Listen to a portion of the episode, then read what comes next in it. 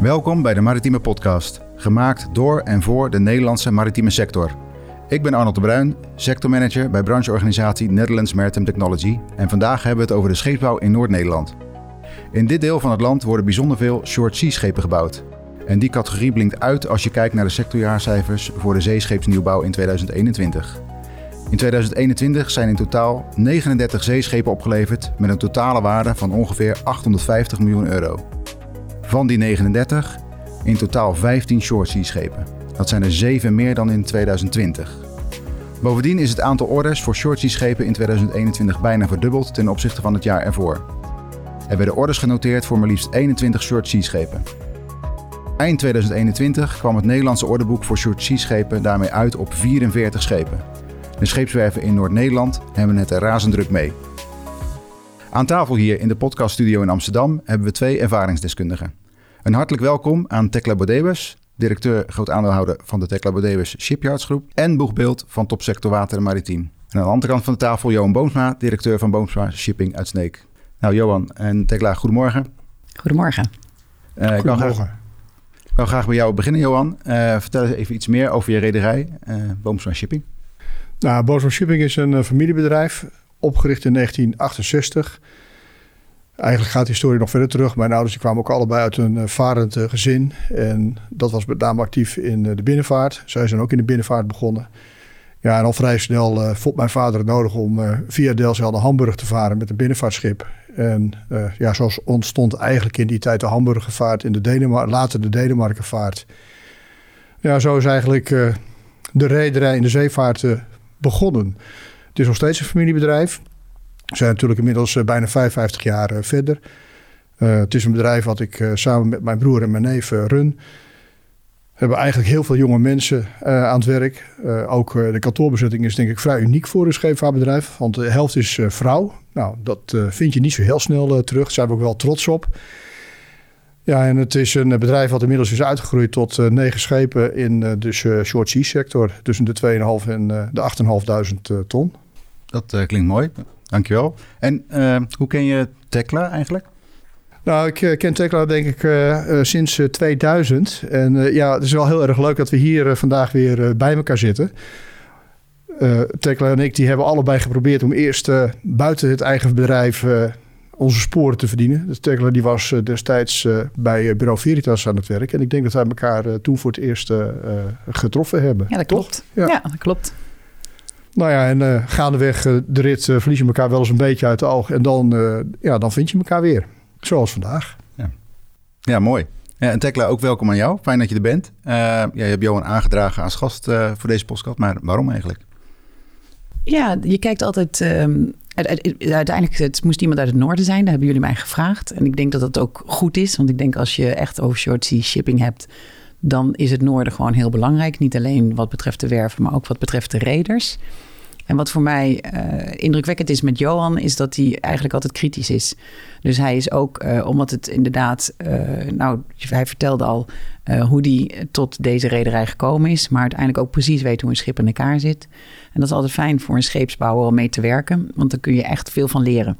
Als je hele grote rederijen hebt, dat is, is handig, want vaak komen er meerdere orders uit. Maar het zijn uiteindelijk vaak de kleinere rederijen die precies weten van waarom is een schip nou en waarom wil ik innoveren en wat moet ik doen om eigenlijk, net als te werven, eh, ja, het is toch ook een kwestie van overleven en ver de toekomst in kijken. Omdat het, beide zijn familiebedrijven, dus we willen wel de lange termijn vasthouden. En uh, ik denk dat dat ons ook bindt uh, en dat we daardoor elkaar scherp houden. En dat is natuurlijk in zo'n podcast als dit is dat leuk. Dus ik hoop dat we dat ook in deze podcast gaan doen. Ja, dat zou zeker heel leuk zijn. Eerst nog even over uh, de Teklopadewas Shipyards groep. Hoe, hoe verloopt het tot dusver voor jullie? Ja, wij hebben uh, toevallig afgelopen vrijdag uh, hadden we een mooie tewaterlating van de Verton Patty, een 7000 tonner. Dus ook in, de, in de short sea shipping. En daar hebben we er in ieder geval zes van, van in opdracht gekregen. Dus nu zal er toch iedere, nou, iedere vier maanden zal er eentje van de helling afgaan. En uh, daarnaast hebben we een aantal opdrachten ook voor wat kleinere uh, schepen, uh, rond de 5000 ton. Dus we hebben, ja, ondanks alle uitdagingen van materiaalprijzen, leveringen, hè, of ze wel op tijd komen, hebben we gelukkig in ieder geval wel een orderportefeuille waarbij we een lange termijn, echt een horizon hebben Waarvan we ja, toch ook kunnen afwachten van jongens, wat gaat er nou gebeuren? Maar daarnaast is het, ehm, is het op dit moment een hele andere manier van de scheepswerf runnen. Omdat we bezig zijn met wat ik net al zei, uh, de geopolitieke dingen, dus de, de materiaalprijzen, maar ook de leveringen.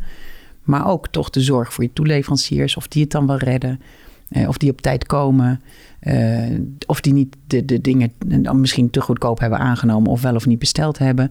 Dus het is een hele andere manier van, van weer je kosten ook beheersen. En nu krijgen we natuurlijk de loonsverhogingen. We krijgen nu energieprijzen. Het zijn uh, dingen waar je bijna. nou ja, het is maar goed dat wij flexibel zijn. Dat we net een wat kleiner bedrijf zijn. Maar dat moet je ook wel zijn om inderdaad in de lange toekomst te kunnen kijken. En dat is natuurlijk, ja, dat is net als voor de reders ook. Dus op dit moment zijn de vrachtprijzen mooi, maar inderdaad, de brandstof is ook hoog. En dat vinden wij dan wel weer leuk, want dan mogen we innoveren om te kijken hoe we dat weer zo laag mogelijk kunnen doen. Ja, ja wat dat betreft zijn er ook veranderingen. Ja. Uh, ja, wij zagen in 2020 een dipje in, uh, in het aantal nieuwbouworders. En in 2021 juist weer stijgende lijn. Nu noem je een heleboel factoren die daar mee op spanning staan. is die stijgende lijn er nog steeds of moeten we ons zorgen maken? Ja, ik denk, kijk, uh, toen COVID begon en toen kregen wij van diverse reders van, nou, je mag van onze intentieovereenkomst hebben, maar geen contract. Dus dat was voor ons echt een, een, een, moeilijk jaar. Ook omdat zelfs de reders waar we opdrachten van hadden, zeiden van, kunnen we de bouw niet even stoppen? Dus iedereen moest echt even beseffen van, oké, corona is er. En al is corona er nog over vijf jaar, dan moeten we toch vlootvernieuwing doen. Dat heeft toch echt een dik jaar geduurd voordat uiteindelijk dat besef kwam. En dan heb je wel zoiets van: hé, hey, hoe gaan we dat nu met de werf doen? Daarna kregen we wel die order intake, dus daar zijn we blij mee. En nu is het, uh, ja, op dit moment is het, uh, er is een tekort. De, de zal vervangen moeten worden. Uh, gelukkig verdienen onze klanten veel geld. waardoor ze ook meer kunnen besteden om, om een schip te kopen. Maar het is wel zo dat de, de, de prijzen van de materialen zijn op dit moment ja, extreem hoog. En hoe lang gaat dat duren? Kijk, we weten allemaal dat het niet meer terug gaat naar het oude.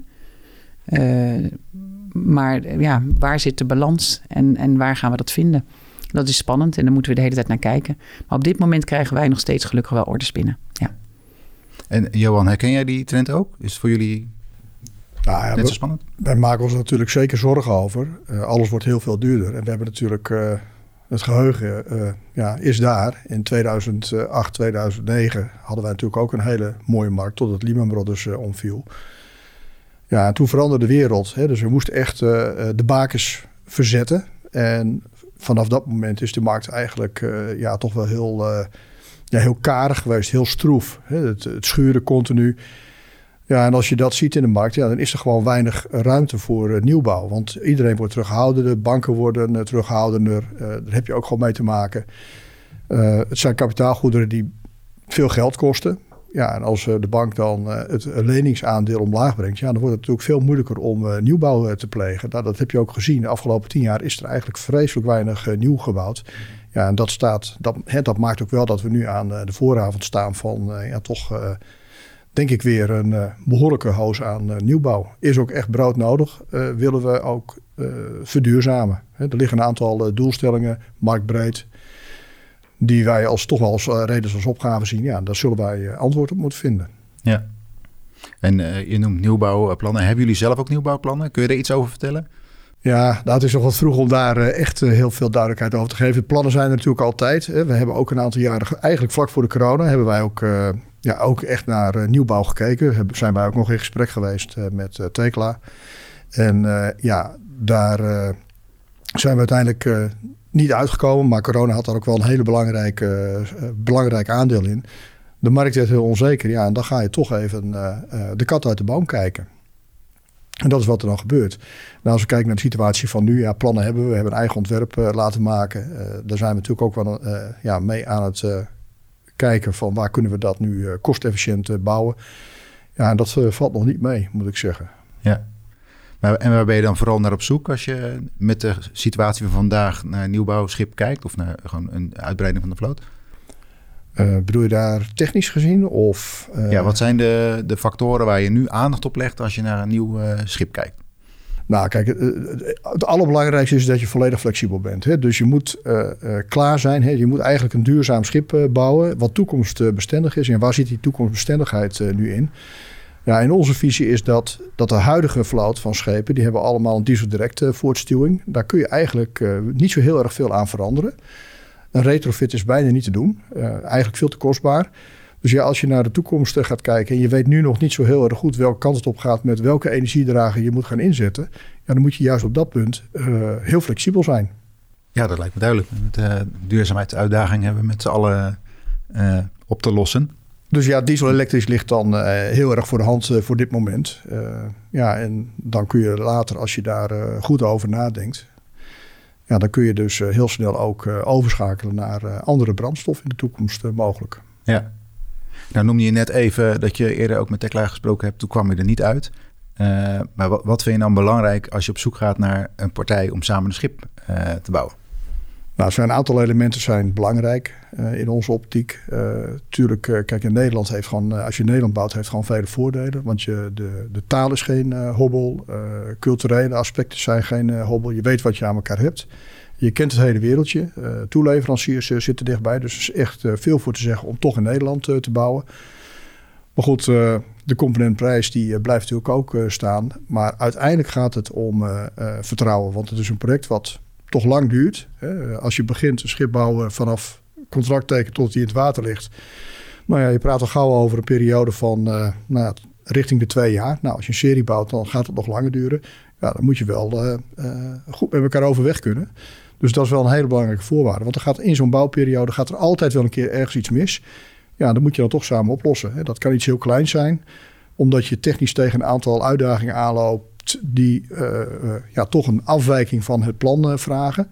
Bijvoorbeeld in de machinekamer. Nou, dan, ja, dan is het fijn als je daar heel snel op met elkaar kan schakelen, zonder dat je daar boze gezichten over krijgt.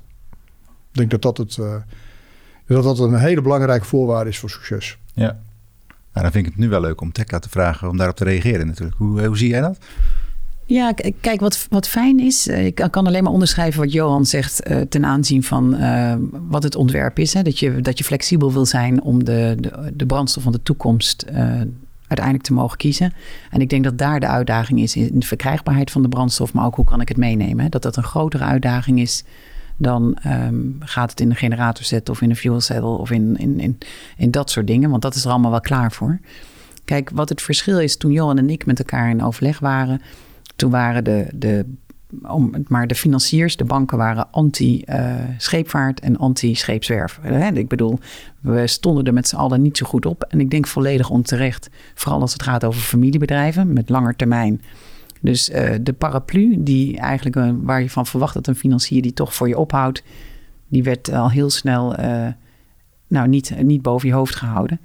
Dus dat, heeft ook, dat maakt dat soort gesprekken lang.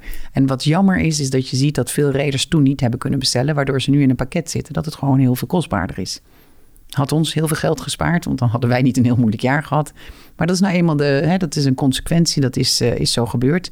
Maar wat fijn is, is dat je nu ziet dat we weer veel, veel financiers echt vertrouwen in onze sector hebben. Dus er zijn meerdere financiers die het willen doen. En ik denk dat ehm, ja, als je ziet naar het buitenland gaan, is altijd een avontuur. En ik zeg altijd tegen de reders: kijk nou wat de totaal, totale kosten zijn. En je hebt capex en je hebt opex. Maar als je capex uh, een stukje uh, goedkoper is, maar je hebt er wel heel veel zorgen over, je neemt veel risico's. Vinden overigens heel veel financiers ook niet heel erg fijn. Maar dan moet je eh, dat in, in, ieder geval ook in je OPEX terugverdienen. Dus ik vind altijd dat je je CAPEX en je OPEX wel beide naast elkaar moet zetten. Om, om het ja, total cost of ownership uh, uiteindelijk weer te kunnen geven. Ja. En wat denk ik belangrijk is, is dat je. Wat je ziet is uh, nu de dreiging van ook stijgende lonen en de energieprijs hier. Dan uiteindelijk worden we dan het verschil, want het gaat vaak, het, is het, het, het verschil wat er is, is vaak niet zo in de, zeer in de materialen maar wel in, de, in, de, in het arbeidsloon. En wat mijn angst is als werf, en ik denk dat dat de meeste werven hebben, is dat uh, ook nu in de materialen door stijgende energieprijzen alleen in ons gedeelte van de wereld, uh, dat het verschil groter wordt. En dat vind ik echt een, een, een, iets waar we ons op moeten, zouden moeten voorbereiden. Ja, maar hoe dan eigenlijk? Dat is, uh, dat is nog niet zo makkelijk om te doen. Nou, ik denk dat dit ook uh, iets voor onze brancheorganisatie is, maar ook uiteindelijk waar we allemaal naar moeten kijken: van is er iedere keer een eerlijk speelveld? En, en, en hoe kunnen we dat doen? Dus als het. Uh, wat je, ziet is, we hebben bijvoorbeeld, kijk, uh, zowel de werf als de reder is ook heel erg afhankelijk van bijvoorbeeld garantiestellingen en financieringen, waar ik het net al over had.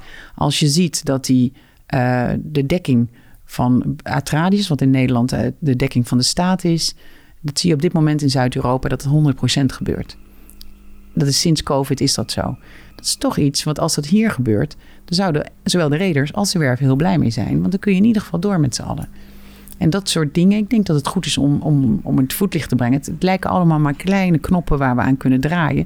Maar ik vind dat eerlijke speelveld is iets waar je gewoon op moet letten. En dat we niet een eerlijk speelveld hebben met China. Op dit moment zijn er gewoon heel veel redenen die gelukkig zeggen van... wij weten niet wat er in China gaat gebeuren. Uh, mensenrechten vinden we ook heel erg belangrijk. Dus we gaan gewoon toch kijken hoe dat, uh, hoe dat afloopt. Wij willen daar gewoon niet bouwen. Uh, en dat is natuurlijk voor ons als Nederlandse werf heel fijn. En ik denk als je in het totaal ook als Nederlandse werf je afspraken nakomt... dat wat Johan zegt, uh, goede communicatie, gezamenlijk dat schip bouwen... maar ook op tijd leveren. Ja, dan, is dat, dan helpt dat ook heel veel in de... Dan mogen de kosten ook iets hoger zijn. Want ik denk dat ze het dan ook al veel eerder terug kunnen verdienen. Ben je het eens, Johan, of niet? Nou, ik ben het, in de basis ben ik het wel met je eens. Natuurlijk kijken wij er op die manier ook wel naar. Waar je nu wel tegenaan loopt is... Uh, we staan een eh, vooravond van veel nieuwbouw. Ook om toch die duurzame schepen te bouwen uiteindelijk. En wat je nu wel ziet is dat de capaciteit in Nederland toch wel relatief beperkt is. Hè? Ook voor het bouwen van uh, schepen. Dus ja, hoe je het ook bent verkeerd. als je toch redelijk snel een schip wilt hebben, ja, dan is het maar de vraag of je dat nog in Nederland uh, kan bouwen. Ja, en als je dan gaat terugkijken, dan moet je helaas vaststellen dat het in Nederland, en ik denk in Europa, uh, gewoon een industriepolitiek uh, ontbroken heeft. Hè? En het zou heel goed zijn als daar wat meer aandacht voor zou zijn. Want een heel, een heel deel van, van de scheepsbouwactiviteit en de nieuwbouwmogelijkheden die we hebben, ja, is eigenlijk gewoon toch verloren gegaan de afgelopen jaren. Hè, dat heeft deels te maken met de concurrentie uit onder andere het Verre Oosten. Maar ik denk dat je je ogen er niet voor uh, kan sluiten dat dit wel echt meegeholpen heeft. En uh, ja, industriepolitiek uh, heeft uiteindelijk ook, dat wordt in China bijvoorbeeld wel bedreven en hier niet. Ja, en dat maakt ook dat die nieuwbouwprijzen toch een enorm groot verschil hebben laten zien. Ook zeker in die kleinere schepen. Hè? Want vroeger waren het vooral de grote schepen die het Verre Oosten gingen. Ja, op dit moment moet je voor, ook voor shortsea schepen daar toch, toch ook je ogen openen om te zien wat is daar dan mogelijk. Ik zou het liever anders zien, maar het is de realiteit waar we mee te maken hebben. En ja, uh, dingen als het radius, uh, uh, om daar inderdaad steun van in de rug te krijgen, om toch die financiering voor elkaar te krijgen.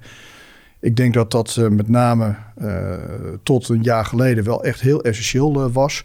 Nou, toen waren ze er nog niet klaar voor en waren er nog wel wat haken en ogen links en rechts aan, om dat ook voor Nederlandse reders te enabelen. Ja, en uh, nu denk ik dat, uh, de, gewoon, dat, dat, dat de doorsnee banken uh, ook wel weer genoeg appetite hebben om toch duurzame schepen te bouwen. Ja. Ja, NMT herkent dit natuurlijk ook. En wij ijveren in Den Haag voor goede industriepolitiek. maar is het niet ook gewoon heel hard nodig dat we veel hechter samenwerken als maakindustrie en reders om die duurzaamheidsuitdaging samen aan te gaan? Ik denk dat we vooral uh, samen kunnen werken om ook inderdaad aan de politiek te laten zien dat die industriepolitiek die nu inderdaad wel weer een beetje wordt bedreven. Het is een beetje in de, in de, startblokken staat het weer. Maar dat dat belangrijk is en hoe belangrijk de maritieme industrie is. En dat is iets wat we echt gezamenlijk moeten doen. Ik denk dat we uh, de samenwerking uh, tussen reders en werven en de werven onderling kan altijd beter. Maar is er wel. Uh, dus, dus dat is iets wat we, wat we ook moeten laten zien, dat we dat gezamenlijk doen. Want er, er heerst wel eens het idee dat het helemaal niet zo is. Maar wat Johan zegt is inderdaad waar. Omdat er heel lang geen industriepolitiek was, zijn er gewoon veel werven ook failliet gegaan. Uh, er werd niet gebouwd of, of, of er mocht gebouwd worden voor de, voor de laagste prijs. En uh, ja, dat, dat heeft gewoon toch zijn er veel werven gesneuveld. Dus de capaciteit in Nederland, nou die kunnen we allemaal vaststellen. Als die capaciteit vol zit, dan zul je inderdaad iets moeten doen om te kijken of dat de casco's uit het buitenland komen. Of dat de schepen helemaal uit het buitenland komen.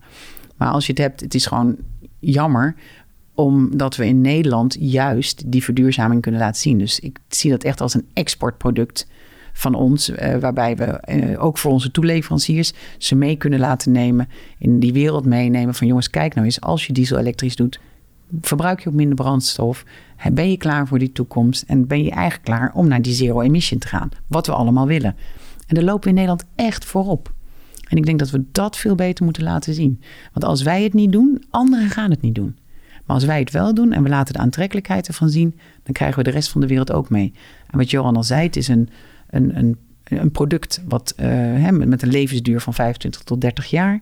Dus voordat we die hele vloot verduurzaamd hebben, dat duurt even. Maar als we het goede voorbeeld geven, dan gaat het wel gebeuren. Het is natuurlijk wel zo dat je, kijk, wij opereren natuurlijk een internationaal speelveld. En daar hebben we gewoon met eh, concurrentie te maken. Dat geldt natuurlijk voor de scheepsbouw ook. En wat je ziet is die innovatie, ja, die komt met name bij kleinere bedrijven over het algemeen vandaan. Maar die landt heel vaak in de toeleveringssector. Hè? Omdat het allemaal nieuwe ideeën zijn om efficiënter, nou ja, eigenlijk efficiënter te bouwen, efficiënter te opereren, brandstof te besparen. Nou, dat zijn natuurlijk wel de toeleveranciers ook van de scheepsbouwindustrie.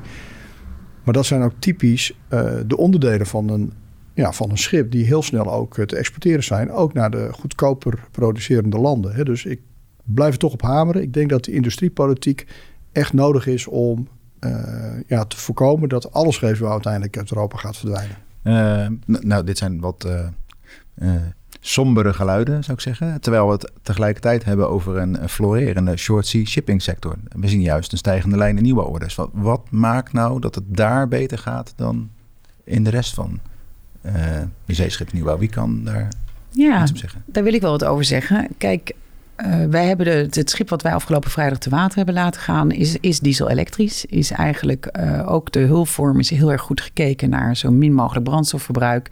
Wat je ziet is dat ook in short sea shipping eigenlijk mensen nu allemaal kiezen voor minder vermogen. Dus waar je vroeger zei, nou doe maar een paar, uh, doe er maar wat kilowatt erbij. Wordt er nu echt gekeken van joh, de optimalisatie om het te doen.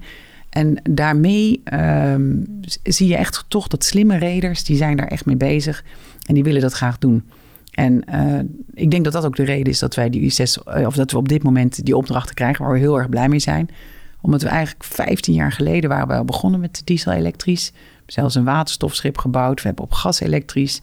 En uh, dat zijn vaak best wel dure trajecten. Sommige trajecten mislukken ook, sommige trajecten lukken wel. Maar uiteindelijk hebben wij toch die goede weg ingeslagen.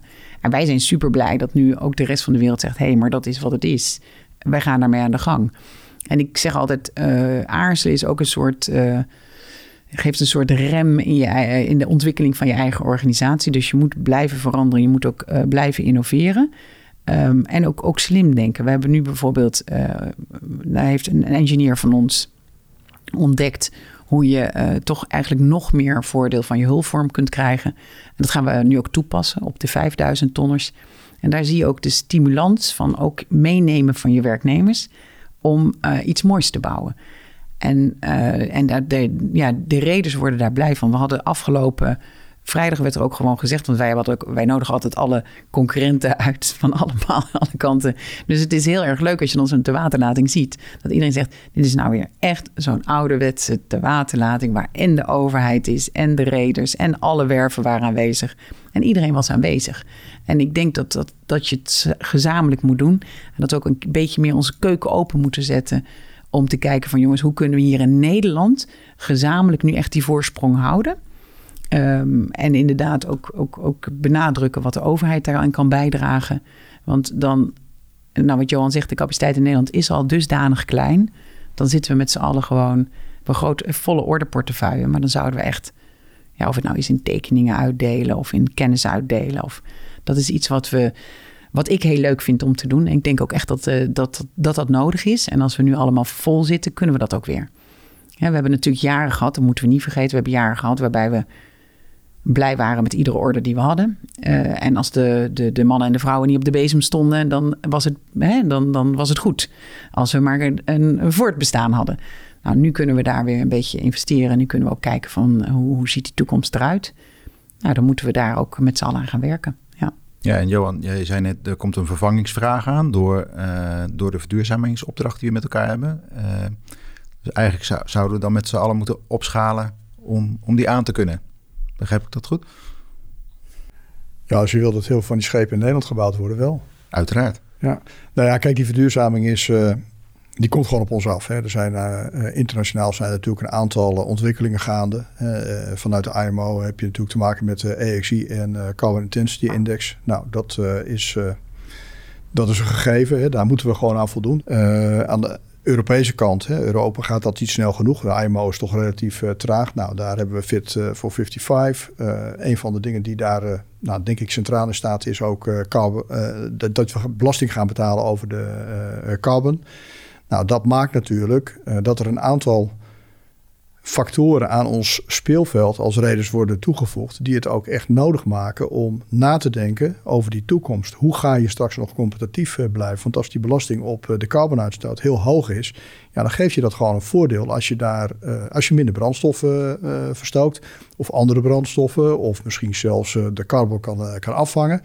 Maar het, het, het, opent ook de weg om eens naar alternatieven te kijken. Kijk, wij zijn twee jaar geleden al begonnen met windvoortstuwing. Niet dat we nou met uh, schepen zeilen, maar het is wel uh, wind-assisted propulsion. Ja, dat helpt. Hè. Bespaart ons ongeveer 5% op het schip waar we toegepast hebben aan brandstof. Nou ja, als je dat even in het bredere spectrum plaatst, dan, dan is dat best substantieel. Hè. Moet je je voorstellen als je dat op alle schepen zou kunnen realiseren. Dan zetten we echt wel wel een hele grote stap. Nou, ik weet ook wel dat het zo niet werkt. Maar dat zijn wel de dingen die je kan doen om vooruit te komen. Uiteindelijk draait het erom dat je uh, ja, efficiënt met energiedragers uh, omgaat. En als je efficiënt met energiedragers omgaat, ja, dan opent dat eigenlijk ook de mogelijkheden om naar alternatieven te kijken. Want heel veel alternatieven die hebben allemaal nadelen ten opzichte van de huidige ja, minerale brandstof die we gebruiken. of de energiedichtheid is lager, of het is zwaarder, of je moet technisch hele hoogstaande oplossingen verzinnen die best heel duur zijn. Dus ja, er ligt, eh, er ligt nog heel veel eh, in de toekomst waarvan we nu nog niet precies weten welke kant op gaat. Maar wel heel leuk en ook heel spannend. Zeker, dat lijkt een uh, gezamenlijke ontdekkingstocht te worden. Je, je noemt net alternatieve brandstoffen en wind-assisted propulsion. Jullie zijn duidelijk op zoek naar welke methode past het best bij ons. Heb je een beeld wat voor jullie de gewenste oplossingsrichting is? Of zit je nog, ben je nog op zoek naar een mix? Nou, ik denk sowieso dat het een mix wordt. Want als je. Er wordt heel veel gesproken over methanol of uh, ammoniak uh, uh, of waterstof. Maar moet je je voorstellen dat alle schepen, meer dan 50.000, allemaal op bijvoorbeeld ammoniak zouden moeten gaan varen of op methanol. Ja, ik denk dat dat logistiek gezien en capaciteit technisch bijna een onhaalbare opgave is. Dus naar mijn uh, idee gaan er gewoon een aantal zaken naast elkaar uh, bestaan.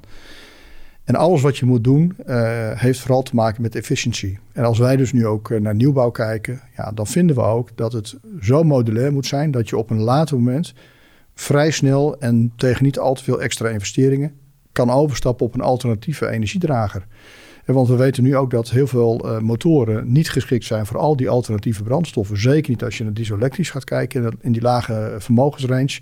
Ja, daar zijn de, de, uh, ja, de alternatieve mogelijkheden gewoon nog niet heel erg groot.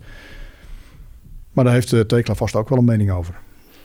Nee, ik ben, ik ben het helemaal met je eens. Wat ik net ook al zei, het, het belangrijkste is van hoe is de infrastructuur ervoor? En dat is niet alleen in Nederland, maar dat is natuurlijk over de hele wereld. En Ehm, hoe kunnen we het meenemen? Want dat is ook belangrijk. Uiteindelijk, uh, we hebben allemaal de schepen gaan eh, de hele wereld over. Die hebben lange afstanden, die willen toch wel uh, tien dagen kunnen varen. Er zijn allerlei, um, al, al heel veel dingen gedaan in, in de trant van minder vermogen, dat ze minder verbruiken. Maar uiteindelijk, de energiedichtheid speelt daar ook mee. gevaar hè, voor de bemanning. We moeten niet bedenken dat iemand die altijd een droogladingschip met een standaard diesel heeft, nu ineens weet hoe die met een gas als ammoniak of methanol omgaat. Dus er komt echt nog wel wat op ons af. Maar ik weet zeker dat het gaat komen. Maar ik ben het met Johan eens. Ik vind ook dat je ziet internationaal, IMO, die doet het heel goed. Hè? Die, heeft, die zegt we hebben een aantal uh, richtlijnen waarbij we zeggen van de emissies moeten naar beneden. En die hebben er allerlei uh, indexen en factoren voor. En dan is het uiteindelijk aan de werven, toeleveranciers, reders, om gezamenlijk te kijken wat is dan het beste. En ik denk doordat je dat creatief laat, kom je met meerdere oplossingen. Kijk, iemand die echt in de short sea zit en alleen maar van Engeland uh, vaste treedt naar Duitsland heeft bijvoorbeeld, kan weer wat anders gebruiken dan iemand die de hele wereld overgaat. En ik zeg altijd, alle kleine, waar we hier in Amsterdam zitten, hè, alle kleine rondvaartboten, die kunnen gemakkelijk elektrisch, want die kunnen iedere avond aan de prik. Maar uh, laat vooral niet. Uh, laat vooral niet een overheidsorgaan beslissen waar we voor moeten kiezen. Hebben dat natuurlijk een aantal jaar geleden gezien. Werd het toch erg gepromoot om op LNG te gaan varen. Daar werd zelfs als je financiering nodig had voor een schip, kreeg je dat alleen maar als je op LNG ging varen. Het is een disaster. Iedereen wist dat het een transitiebrandstof is. Het was goed om de eerste stap te zetten. Mensen die het nu hebben, zijn stokongelukkig. Dus, dus ik, heb, ik, ik hou heel erg van kaders en gelijke richtlijnen die voor heel Europa gelijk zijn. Ik weet dat het soms heel moeilijk voor de hele wereld is. Maar dat zorgt dan IMO voor. Laten we hier in Europa ook dat soort kaders gewoon iedereen dezelfde richtlijnen. En inderdaad met een haalbare horizon. we zeggen 2030 moeten we daar zijn, 2050 moeten we daar zijn. Dat zou heel erg goed zijn. Ja, de ambitie mag er zijn. Ik vraag me wel af of de ambitie eh, niet hoog, eh, te hoog is. Hè? Dus dat eh, de doelen die gesteld zijn, of dat die wel realistisch haalbaar zijn. Want schepen gaan nou eenmaal heel erg lang mee. En we hebben de vervoerscapaciteit nodig. Want we willen ook allemaal heel graag dingetjes kunnen kopen. Hè? Dat, dat, dat, is, ja, dat zit ingebed in wie we zijn en waar we wonen. Nou ja, dat, dat maakt dat er heel veel transport nodig is. Ja, en als je al die schepen uh, in de komende tien jaar moet vervangen naar uh, emissie, nou ja, emissieloos eigenlijk. Want dat zou eigenlijk moeten. Wil je dus een hele grote stap maken die binnen die doelstellingen past.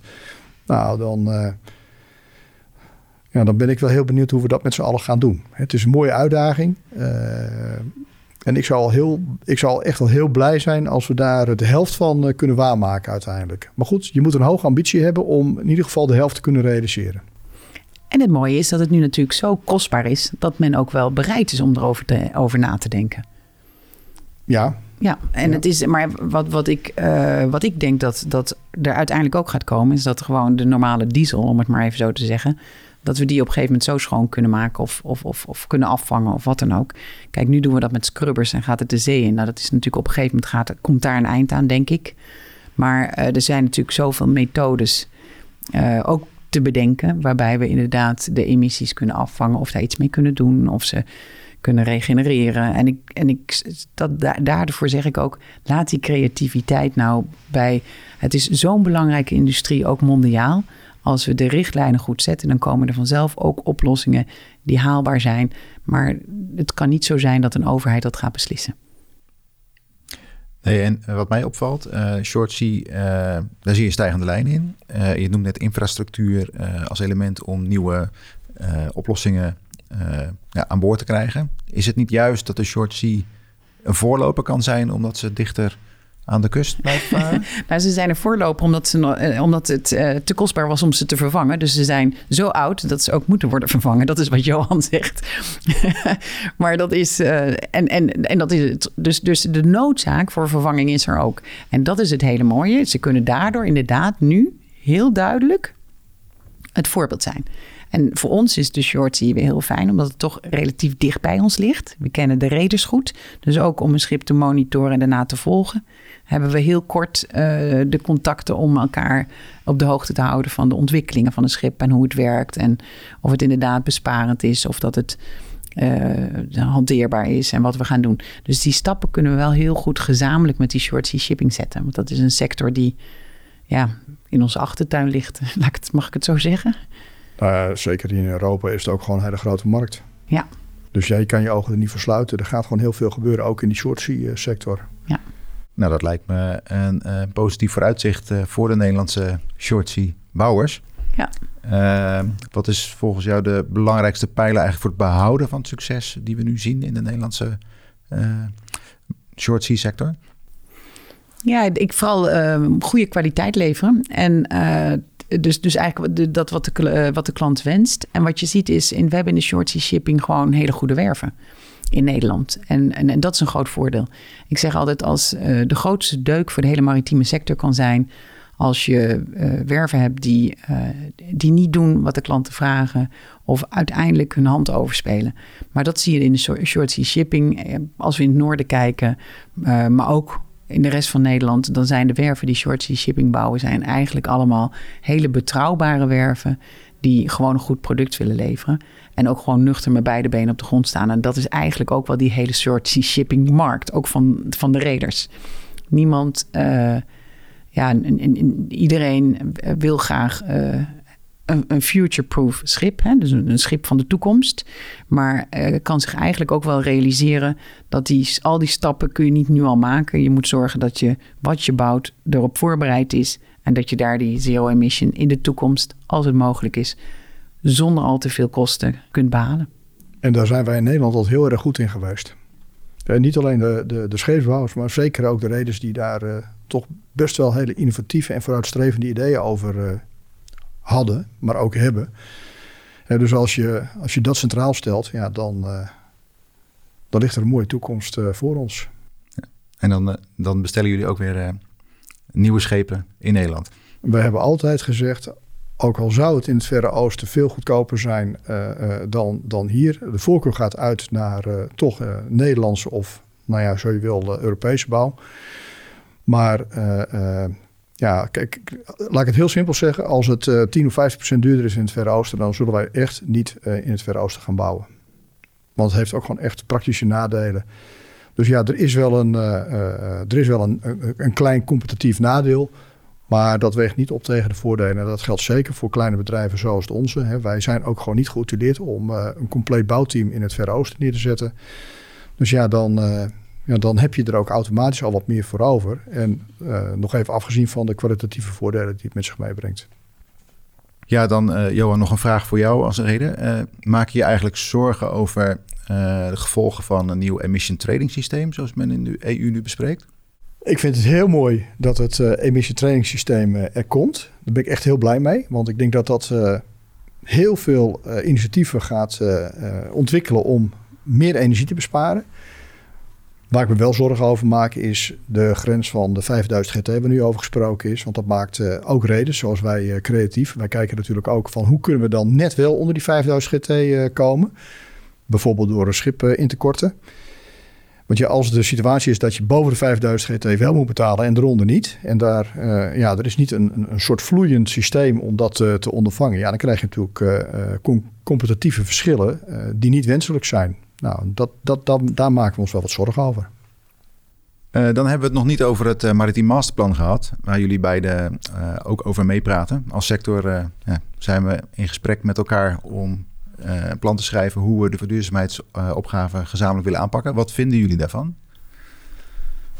Ja, het Maritiem Masterplan is natuurlijk een, een geweldig initiatief dat we dat met z'n allen doen. Hè. We doen het niet alleen als, uh, als NMT, of jullie als NMT, maar we doen dat ook met de reders samen. We doen het ook met, uh, met bijvoorbeeld de, de offshore. uiteindelijk is het een heel breed plan. En daarnaast ook met een aantal overheidsvaartuigen dit zijn absolute plannen om iets in gezamenlijkheid te kunnen ontwikkelen. En ook te kijken van jongens, wat zijn nou de beste methodes en waar kunnen we nu aan voldoen? Dus voor mij is het, uh, ja, ik denk, vind dat het al in het groeifonds van het eerste tranche had moeten zitten. Maar laten we hopen dat het nu wel in het Nationaal Groeifonds zit. Ik zal me daar heel erg hard voor maken, ook namens uh, de topsector. Maar uh, ik zeg altijd wel, wat we ook ontwikkelen, het is kenniskunde kassa. Dus zorg inderdaad ook dat we er wat mee mogen verdienen. En dat is vaak, vindt men heel moeilijk. Maar uiteindelijk moet er ook verdiend worden in de sector. Willen we de sector kunnen blijven ontwikkelen. En willen we versneld ook naar, aan de eisen vol, kunnen voldoen uh, die we onszelf opleggen. Kenniskunde kassa, die had ik nog niet eerder gehoord. Die vind ik wel heel mooi. Dan gooi ik er ook een, uh, eentje in. Uh, Dream, Develop, Do. En daar vind ik het uh, Maritiem Masterplan wel echt wel heel mooi in. Uh, kijk, je kan er allemaal alles van, van, alles vinden. Het is gewoon hartstikke goed dat dat uh, geld beschikbaar is. He, want nu blijkt het, blijft het heel vaak bij het dromen over dingen anders en beter doen. Nou, die moet je ook ontwikkelen. Ik denk dat met name daar het Maritiem Masterplan wel een goede bijdrage aan levert. Ja, en ik hoop ook dat we aan het doen toekomen. Ja, dat is echt wat, wat het Maritiem Masterplan ons zou moeten brengen uiteindelijk. Dus laten we daarvoor gaan. En het is heel goed ook dat we dat uiteindelijk gezamenlijk doen. Ik denk dat dat het hele belangrijke is ook dat de hele sector hier achteraan zit. Ook, uh, ook de kennis, hè? als we maar in de kennisinstituten, universiteiten, hogescholen, iedereen is hiermee bezig. we doen het gezamenlijk. En ik denk dat dat een voorbeeld is voor andere branches. Ja, ik zou wel heel fijn vinden als wij dan ook uh, uh, daadwerkelijk uiteindelijk dingen kunnen kunnen testen. Hè? Want ontwikkelen is heel goed, maar uiteindelijk moet je het ook kunnen toepassen. En als het uh, toegepast wordt, dan is bewezen technologie. Ja, dan is de BV Nederland daar denk ik ook uh, bij gebaat. Ben ik helemaal met je eens, Johan. Helemaal met je eens. Ja. Ja, dank je, dank je wel voor deze, deze toevoeging. En ook dank je wel, Tekla, voor dit geanimeerde gesprek. En we zijn zo langzamerhand aan het einde van deze podcast gekomen. We hebben gesproken over het Nederlandse shorty sector, die zich voornamelijk concentreert in Noord-Nederland. Uh, en aan bod kwamen de cijfers, trends, ontwikkelingen en natuurlijk ook vooruitzichten. Uh, ik vind het erg leuk om te zien hoe jullie uh, elkaar gevonden hebben, weer gevonden hebben. en dat we positief zijn voor de vooruitzichten. Deze podcast is onderdeel van een serie Maritieme Podcast, een initiatief van brancheorganisatie Nederlands Maritime Technology. Mijn naam is Arnold Bruin. Hopelijk tot de volgende keer.